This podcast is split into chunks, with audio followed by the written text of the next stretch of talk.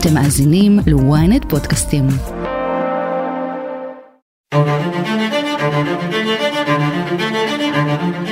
לא נעצור עד השלמת המשימה. המלחמה נגד חמאס דאעש מתקדמת במלוא עוצמתה, ויש לה מטרה אחת. אנחנו נחסל את החמאס, מסנוואר ועד אחרון המחבלים, כל חמאס הם בני מוות. כשנתניהו וגלנט מבטיחים לציבור הישראלי את ראשם של ראשי חמאס, אנחנו יודעים שזה לא מבצע של מה בכך. מדינת ישראל ידועה בזרועות הארוכות שלה ויכולות הסיכול הממוקד, אבל עם זאת, שנים ארוכות גם לא תמיד הצליחה לשים ידיים על רבי מחבלים בני מוות. האם זה נכון להכריז מראש על חיסולם? עד כמה חיסול מהווה תמונת ניצחון אמיתית? מהם החיסולים המוצלחים ביותר שישראל ביצעה והיכן נכשלה? והאם נתניהו באמת ויתר על הזדמנויות לחסל את סינואר? אני שרון קידון, וזאת הכותרת. את יכולה להעביר להם דרך המהדורה שהם חיים על זמן שאול. המאבק בחמאס משתרע על כל הגלובוס, מהמחבל ועד אלה שנוסעים במטוסי אה, פאר ונהנים בזמן שהמעשים של השלוחים שלהם מבוצעים כנגד נשים וילדים. כולם בני מוות. דוקטור רונן ברגמן, עיתונאי ידיעות אחרונות, ynet והניו יורק טיימס. כשנתניהו אמר שהוא הנחה לפעול נגד כל ראשי החמאס, וגלנט אומר הם חיים על זמן שאול, הם עושים נכון? אני חושב שזה לא, לא נמצא במישור בכלל של uh, תכנון אפשרי לבצע סיכול ממוקד או טיפול שלילי כפי שזה מכונה במוסד לאחד מראשי החמאס. זה טקסט שנאמר בעברית, מיועד לצריכה מקומית, רוצה להראות של מול חוסר התפקוד ב-7 באוקטובר וחוסר התפקוד של הממשלה, הנה אנחנו עושים משהו, אנחנו באים איתם חשבון. זה אגב חסר תקדים שראש מדינה, גם ישראל, אומר באופן כל כך ברור מהם היעדים לסיכול ממוקד שהוא הורה, הרי אם את או אני או כל עיתונאי אחר, שרון, היינו מנסים להעביר את זה לצנזורה, כזאת ידיעה. אז לא רק שהיו פוסלים אותה, אלא היו טוענים שעצם זה שהעברנו את זה בכלל לצנזורה זה פגיעה חמורה בביטחון המדינה, זה שהעזנו להעלות את זה על הכתב. אבל ראש הממשלה מותר לו והוא רוצה להראות שהוא עושה משהו, ואז הוא מוציא את האיום הזה. אני מתאר לעצמי שראשי החמאס שנמצאים בחו"ל, כלומר לא סינואר בדף שברצועה, שהם בוודאי פועלים מתוך הנחה שישראל מנסה להרוג אותם, אולי גם בגלל זה הקיפו את עצמם בבני ערובה. ראשי החמאס פועלים בטח מתוך שתי הנחות מוצא, אחת זה שישראל שוקלת להרוג אותם, ואולי הם נוקטים באמצעים כדי uh, ככה לחשוב, אבל צריך לזכור שחלק מהם כבר היו, חאלד משעל למשל כבר היה בעבר מטרה, הוא יודע מה זה אומר להיות עם רגל אחת בקבר. Uh, מצד שני, הם גם מבינים שהנוכחות שלהם או באיסטנבול, או בדוחה, או בביירות, כל אחת מסיבות אחרות נותנת להם סוג של כיפת ברזל, לפחות בינתיים, מפני חיסול ישראלי, והאופן שבו הם מתנהלים, אני אומר מידיעה, במקומות האלה הוא לא מראה שהם חוששים לביטחונם, לפחות לא כרגע. נדמה לי שכל עוד יש חטופים ישראלים בעזה, וכל עוד קטר מנהלת את המשא ומתן, וכל עוד האנשים שנמצאים בחוץ, אסמאעיל הנייה למשל, פועלים באמת במרץ, לפי לפחות תפיסת המודיעין הישראלי, כדי להביא את עסקת החטופים, כולל לפעול על, בלחץ על סינואר, זה לא רק uh, בלחץ על הקטרים שילחצו על ארה"ב שילחץ על ישראל, כל עוד הדבר הזה מתנהל, אני חושב שראשי החמאס יכולים להרגיש את עצמם די בטוחים. אחרי זה כבר נפתר חשבון אחר לגמרי.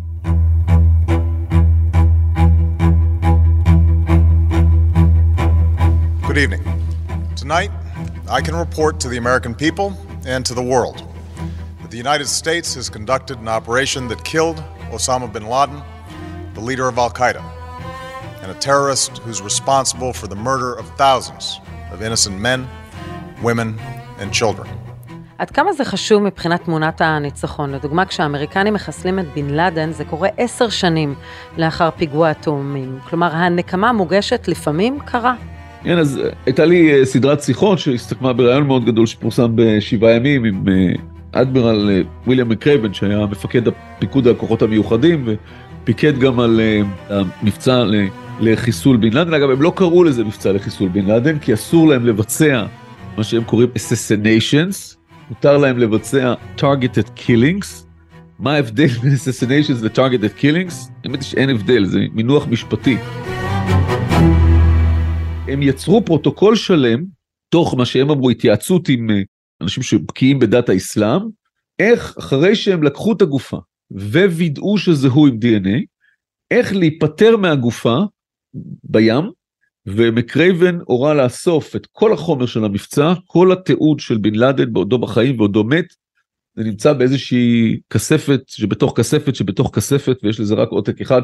הכוונה הייתה פשוט לא לייצר שום העלאה או מיתיות מסביב לאיש ובין פשוט למחוק אותו, או כמה שאפשר למחוק אותו מדפי ההיסטוריה, אבל ארצות הברית הוכיחה שהיא לא שוכחת ולא סולחת, לא היה לזה ערך מבצעי, בן לאדן בתקופה הזאת הוא לא איש שיש לו חשיבות, הוא לא סכנה ברורה ומיידית לביטחונה של ארה"ב או לביטחון העולם. אבל ארה"ב הוכיחה שהיא לא שוכחת, היא לא סולחת, היא תרדוף את האנשים האלה עד שהיא תגיע אליהם ותהרוג אותם. ואם צריך למצוא אולי אה, עדות עד כמה אינטימי הוא שיתוף הפעולה בין ישראל לארצות הברית, אין פעולה מודיעינית, אין מבצע מעבר לקווי האויב, אין חלוקת מידע מודיעיני רגיש יותר רגישה מעניין חיסולים, מעניין התנגשויות, סיכול ממוקד, וזה מביא, אני חושב, זה אחד השיאים הגדולים של יחסי המודיעין, הצבא והמבצעים המיוחדים בין ישראל לארה"ב. Breaking news. In a major escalation in tensions between the U.S. and Iran, the top Iranian general has been killed in an airstrike while leaving the Baghdad airport. The Pentagon confirmed the U.S. military carried out the attack. Qasem Soleimani was one of the most powerful figures in the Middle East and had been the top military man in Iran for more than 20 years.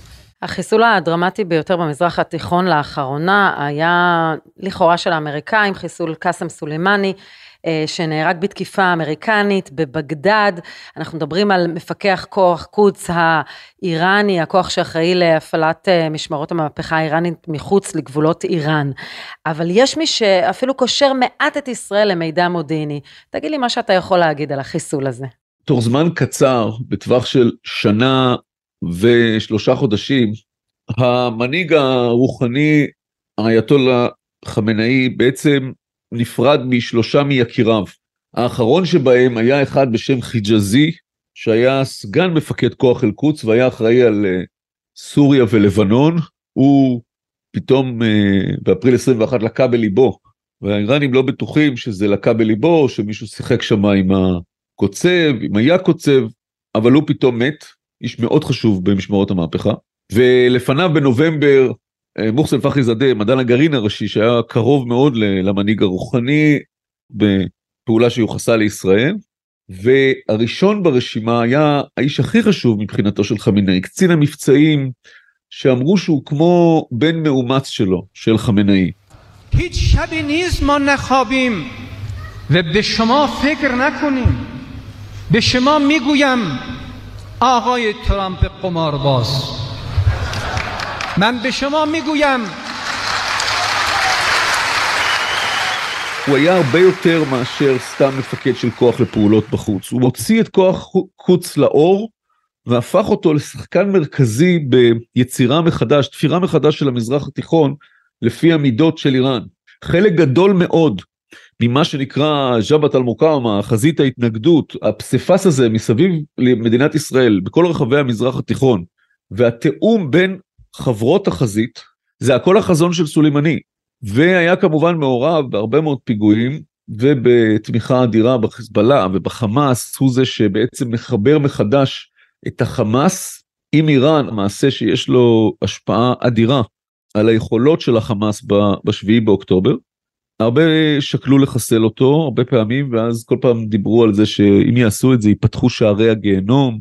בסוף כמו שאת אמרת זה היו טילי uh, מג'ון, מכטב"ם אמריקאי שפגע בו בבגדד, אבל המודיעין, איסוף המידע שנבע במידה רבה מזה שהוא קצת התאהב בתדמית שנוצרה לו, הוא נהיה כוכב קולנוע בכל מקום שהוא מגיע, הוא מצטלם עם האנשים, דיברו עליו כנשיא איראן הבא, הוא פשוט קצת התאהב בסיפור הזה, ובסוף ה ego trip עלה לו בחייו, כי זה ברגע שאתה מצטלם, ברגע שאתה עושה כל מיני דברים מהסוג הזה, אתה כמובן חושף את עצמך להרבה יותר יכולות לעקוב על איפה, איפה אתה נמצא. היו כאלה שהיו בטוחים שאל מול נטילת אחריות חדש של ארצות הברית, ואיום מפורש להשתמש בכוח, איראן לא תצא למלחמה, תסתפק באיזושהי פעולה סמלית, וזה גם היה המג'יק בתוך האירוע מבחינת ישראל. Last night, at my direction, the United States military successfully executed a flawless precision strike that killed the number one terrorist anywhere in the world, Qasem Soleimani. הברית לקחה אחריות מלאה, טראמפ מיד הוציא הודעה ואמר, אני הוריתי על הפעולה בגלל ככה וככה וככה, ואני מודיע שאם איראן תפעל, אנחנו נפעל נגדם.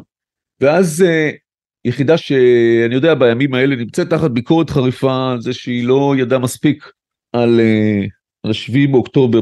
צריך להגיד, היחידה הזאת הצילה את חייהם של לפחות מאות אמריקאים וזרים בשנים האחרונות, כשהיא ידעה לספק התראות חמות.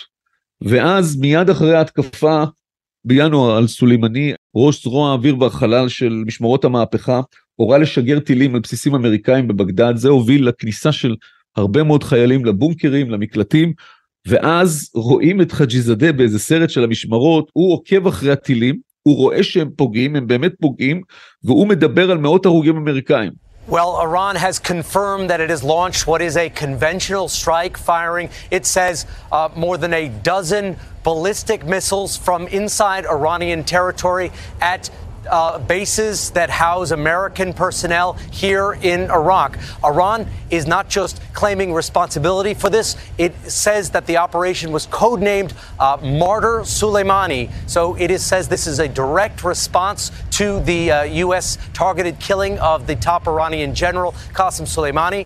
הוא רק לא ידע שבין לבין הייתה התראה של אנשים בבונקרים, אף אחד לא נפגע, היו כמה נפגעי הלם נדמה לי, וג'ינה הספל כותבת מכתב תודה מיוחד למודיעין הישראלי על הצלת חייהם של הרבה מאוד אנשים.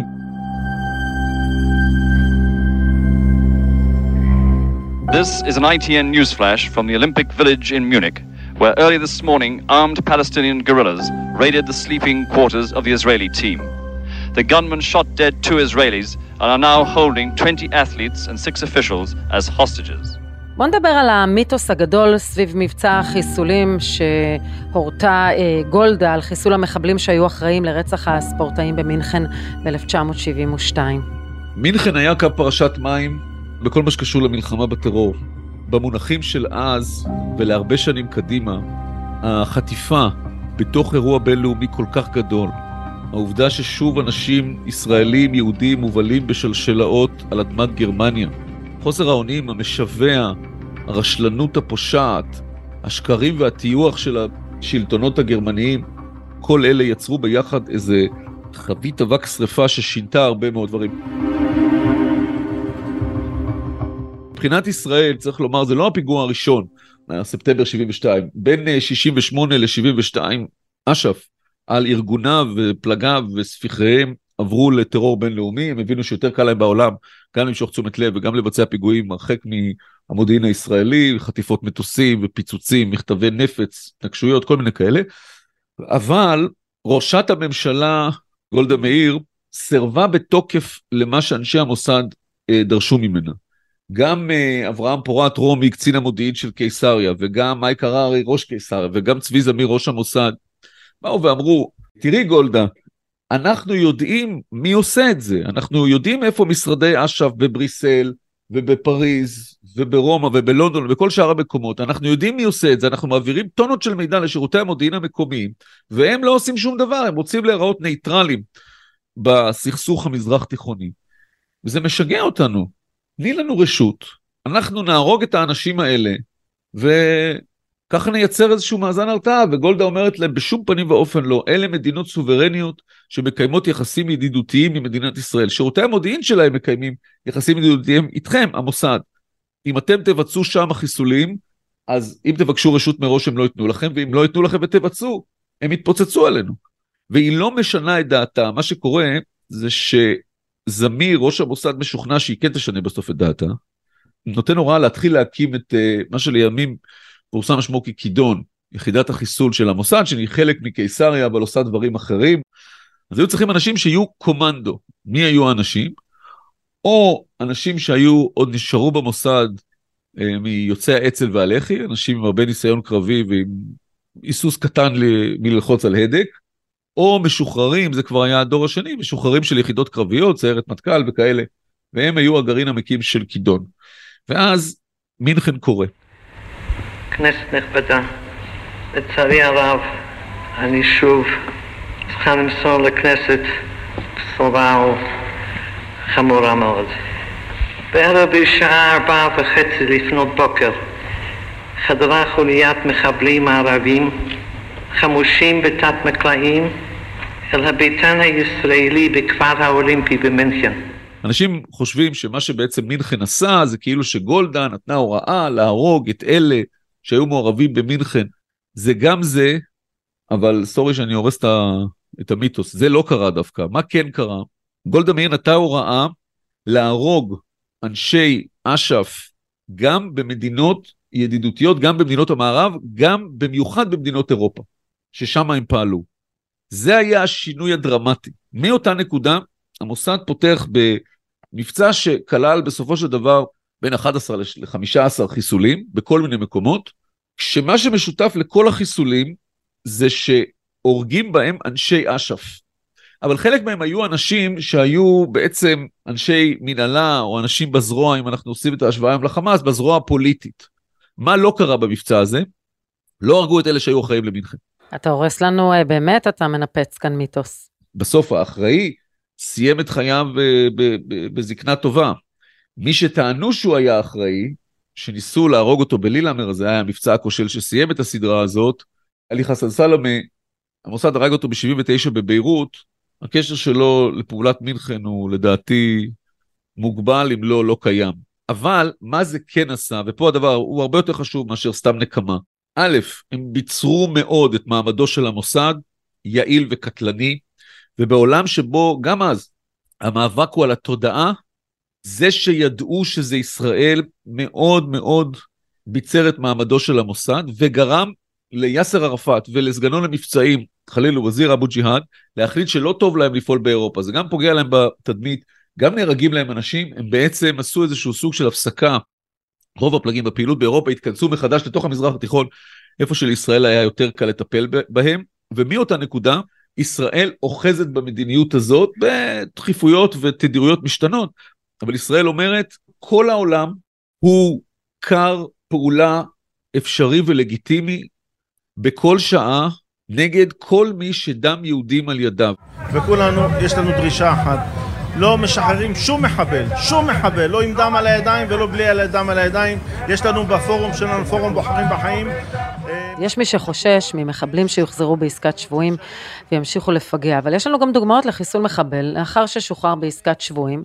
סמיר קונטר השתתף בפיגוע בנהריה ב-79, רוצח משפחת הרן. ב-2008 הוא חוזר ללבנון, ב-2015 מחוסל באופן מסתורי. Rubble, dust, and death. According to the Lebanese group Hezbollah, Israeli rockets hit this residential building in the early hours of Sunday morning, killing one of the Shiite group's leaders, Samir Kantar. For Samir Kantar was a well-known and reviled figure in Israel. The longest-held Lebanese prisoner in the country, he was sentenced to life in prison. After, at the age of 16, he helped carry out an attack that killed four people in 1979. בוודאי שמי שהרג אותו שמח לסגור איתו חשבון על איך הוא המנוול אה, רוצץ את הראש של הילדה הקטנה, הבת של אה, משפחת הרן, אבל הרגו אותו לא בגלל זה, הרגו אותו בגלל שהוא אומץ על ידי חיזבאללה, למרות שהוא דרוזי, אבל נסראללה הבטיח לשחרר אותו והצליח לשחרר אותו, והוא הפך לסלבריטי, ובתור סלבריטי שמו אותו כמפקד של אחת מהיחידות של החיזבאללה בסוריה, גם כסמל וגם כבאמת כאופרטור, הוא פשוט הפך לגורם שבראיית ישראל הוא גורם אה, בעייתי ומסוכן, ולכן הרגו אותו. כלומר, הרגו אותו בלי לחסוך מהשמחה של מי שעשה את זה על מה שהוא עשה בעבר, אבל הסיבה האמיתית הייתה נעוצה במעשיו בהווה ובחשש ממנו בעתיד. On September 25, 1997, Israel's Secret Service tried to kill Khalid Mishal, political leader of the Hamas movement. It proved to be one of the greatest fiascos in the history of special operations. אבל היו גם ניסיונות חיסול, שלא צלחו ויצרו עבורנו באמת פארסה בינלאומית. 1997, ירדן, ח'אלד משעל, שכיום יושב בקטר ומנהיג את חמאס חו"ל, אה, מסמל עבור ישראל כישלון. כן, יש פה כמה כישלונות. קודם כל, יש פה חוסר אונים מול טרור המתאבדים בתוך ישראל, ורצון של נתניהו, קצת כמו עכשיו, להראות שהוא עושה משהו, כי בזירה המקומית היה פשוט קשה לעצור את הגל הנורא הזה של מחבלים מתאבדים. ונתניהו דורש מהמוסד, תהרגו מישהו. וכשהם אומרים לו שהאנשים החשובים דווקא נמצאים בירדן ולא בדמשק, כמו שהם רצו להרוג בהתחלה, אז הוא אומר, אני רוצה להרוג אותם ולא דגי רקק, כך הוא קרא להם. וזה הכתיב פעולה בתוך ירדן. שאלה, יש שתי משמעויות מאוד בעייתיות כל אחת. הראשונה זה פעולה בירדן שהיא מדינה ידידותית, שיש בה סיכון, אפילו אם המוסד בטוח שזה יבוצע כהלכה, יש סיכון שזה יסתבך, הנה עובדה. הדבר השני זה שייחסו לזה קצת כמו מה שעשו עם הפחוך אה, שנים אחר כך בדובאי, חשבו שזה מין, הם קוראים לזה מדינת יעד רך, זאת אומרת זו מדינה עוינת, קצת עוינת, אבל קצת לא עוינת, קצת מוסלמית, קצת מזרח תיכונית, קצת uh, מערבית, והתייחסו לזה בפחות חומרה לפעולה שם ובפחות קשיחות ונוקשות מול כל מיני נהלים ממה שהיה צריך. ומה שיצא בסוף, וזה כאן עניין מבצעי, זה חתיכת כישלון באין סוף רמות, תמיר פרדו שכתב את דוח ועדת החקירה הפנימית, עם ראש המוסד, אה, הוא, הוא שחט את קיסרי, הוא שחט את מי שהיה מעורב שם, אי אפשר אפילו לתאר, להתחיל לתאר את אה, שרשרת התקלות, אה, ובסופה גם אנשים נמצאים במאסר בירדן, גם צריך לתת את האנטידוט, אגב זאת גם, זאת אגדה שהאנטידוט של המוסד הציל אותו. הגרסאות בצד הירדני קצת שונות, זה נכון שהמוסד נתנו את האנטידוט אבל הירדנים הצליחו להציל אותו בכוחות עצמם. כלומר ו... כשישראל נותנת את הנסיו בזה, אה, למעשה כבר הירדנים מצילים את חייו. רופא של המלך, שהמלך שלח אותו לבית החולים המלכותי, ואומר לו תעשה את הכל להציל את האיש הזה, אסור לי למות, תתחיל פה הפיכה. אסור לו למות, והוא לא סומך על האנטידוט שהרופאה של המוסד נותנת לו, כי הוא חשב שזה רק, אה, הם ירצו לגמור את העבודה.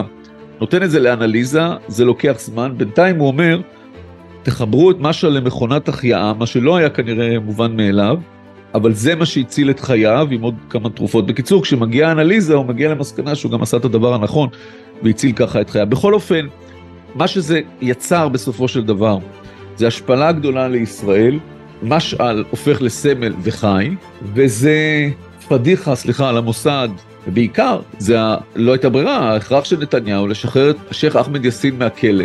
זה דבר ששינה את ההיסטוריה.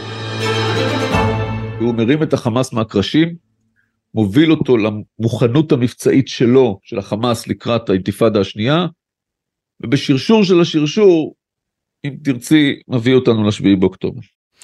אולי זה מה שמסביר את, לפחות את הפרסומים על פיהם נתניהו מספר פעמים קיבל תוכניות לחיסול סינואר וסירב. יכול להיות שיש לו עדיין את הפוסט טראומה מהניסיון הכושל הזה? נתניהו הוא מאוד מאוד מאוד לא trigger happy. יש לו איזה שם בעולם של warmonger, זה לא נכון.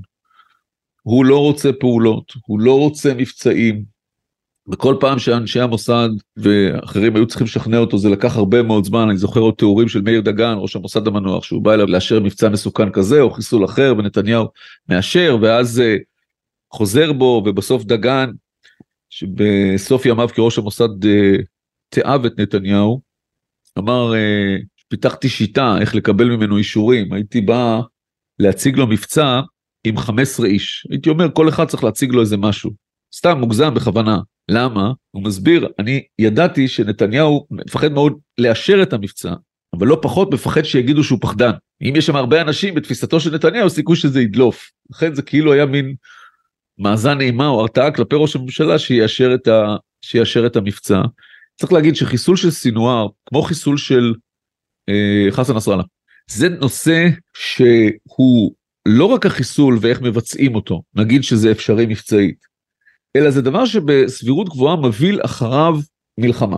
וראש ממשלה, כל ראש ממשלה, זה לא קשור לנתניהו, כל ראש ממשלה, כשהוא מביא בחשבון דבר כזה, האם נכון למדינה, האם מבחינת הקריירה שלו הוא רוצה לסכן אותה בנזק כזה שהוא יוצר, כלומר שזה פעולה שהיא unprovoked, כמובן שבדיעבד יגידו וואלה חבל שלא חיסלנו את סינואר קודם ויצאנו למלחמה הזאת קודם, השמדנו את החמאס קודם, אבל זה חוכמה בדיעבד. מישהו בזמן אמת היה לוקח על עצמו להיכנס לעזה עם תחזית של, אפילו אם הייתה מוגזמת, של מאות הרוגים אה, חיילים ישראלים, ו... או לחסל את סינואר, שזה היה מתחיל מלחמה שבעקבותיה היינו נכנסים לעזה. אה, לא בטוח. ישראל מתאמצת לחסל את מוחמד דף, וכבר מספר פעמים, בכל פעם הוא יוצא מזה חי. לקודמו בתפקיד יחיא עיאש היו פחות נשמות.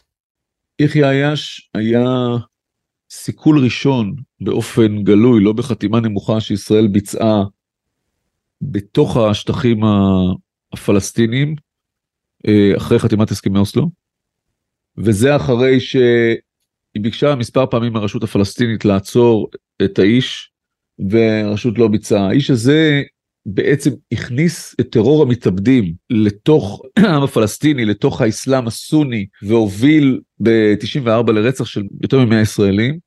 הפעולות האלה עקרו ממקומו את תהליך השלום ושינו את ההיסטוריה. אין, אין נשק טרור יותר משנה היסטוריה ומקבע מציאות מטרור המתאבדים, וישראל הרגה אותו, אבל צריך לומר, ישראל הרגה אותו אז עם טלפון סלולרי ממולכד, הייתה פעולה בזמנו סופר מתוחכמת עם מטוס מעל הים שהיה צריך לעשות את התמסורת של השידור לטלפון, פעם ראשונה זה לא עבד, אז היו צריכים להחליף את הטלפון, שמו משהו אחר, בקיצור הורגים אותו, אבל ישראל לא מוכנה לתגובה של מוחמד דף. דף מריץ שורה של אה, ינואר-פברואר 96, שורה של פיגועי התאבדות נוראים, ארבעה של החמאס ואחר כך בעוד אחד של הג'יהאד, והפיגועים האלה בעצם משנים את ההיסטוריה, מורידים את שמעון פרס מהשלטון, הוא היה גבוה בסקרים אחרי רצח רבין, אבל הוא מאבד את השלטון באחוז הון קטן לנתניהו, ו... והכל משתנה. החמאס הצליח להבעיר את השטח, לגדוע כל אפשרות לשלום בזמן המיידי, והשיג בדיוק מצב לוחמה פרמננטי, בדיוק את מה שהוא רצה. ואם אנחנו נעשה לזה קופי פייסט, זה בדיוק מה שהם ניסו והצליחו בינתיים, לצערנו הגדול, לעשות בשביעי באוקטובר.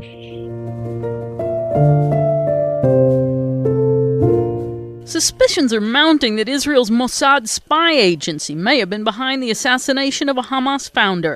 On Tuesday, Dubai authorities released CCTV footage showing what they claim was the operation to stalk and kill Mahmoud al Mabhou. החיסול המאוד רגיש של מבחוך על אדמת דובאי ב-2010 למעשה קצת חשף מהשיטות הישראליות, גם אם ישראל לא הודתה בזה, קשה היה אה, לנתק את זה מישראל כשראו את הכל המצולם וכאשר יש חשיפה של אה, המפכ"ל של דובאי אה, ולמעשה ישראל מעט נחשפה באירוע הזה. כן, כל ישראלי שראה את התמונות מיד זיהה את הדודה שלו או את זאתי שהוא היה בחתונה שלה. אני חושב שלהרבה ישראלים זה גם היה קצת מעודד התמונות האלה מהמקשוטס האלה שדחי חלפן מפכ"ל משטרת דובאי פרסם. כי זה היה נראה שלא כולם שם נראים כמו ג'יימס בונד, פיט כמו ג'יימס בונד, חלק בוחרים משקפיים, לא נגיד בהכי סטייל.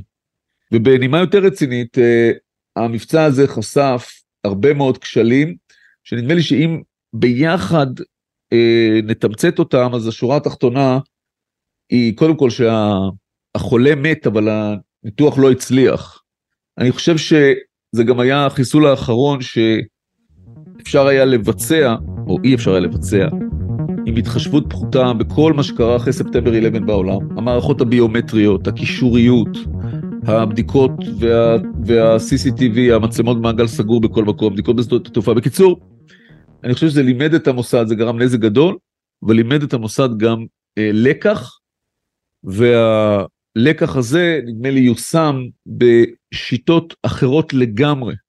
אבל אם לחזור לשאלה הקודמת שלך שרון לגבי האמירה של נתניהו אנחנו נהרוג את ראשי החמאס באשר הם עם רמז מאוד ברור לדוחה אז זה לא לא דומה. זאת אומרת יש לנו עיר במפרץ בנסיכות במדינה שהיא גם אוטוריטרית אבל גם פתוחה מערבית שהרבה מאוד אנשים עוברים דרכה מרכז uh, סחר וכלכלה של אנשים שחיים שם בתנאים מאוד מאוד טובים אבל של מדינה שישראל מאוד צריכה את הקשרים איתה ולא נורא רוצה לעצבן אותה, אני מזכיר, היה נתק אחר כך ארוך מאוד בשערים החשאיים עם אה, אבו דאבי, איחוד הנסיכויות, אחרי הסיפור של אה, מפחוך, ולכן אני בטוח שככל ש... או מתי שבאמת יינתנו ההוראות להרוג את אנשי החמאס, תהיה התלבטות גדולה מאוד האם לעשות את זה בדוחה, כי יש שם פוטנציאל גדול מאוד גם להסתבכות.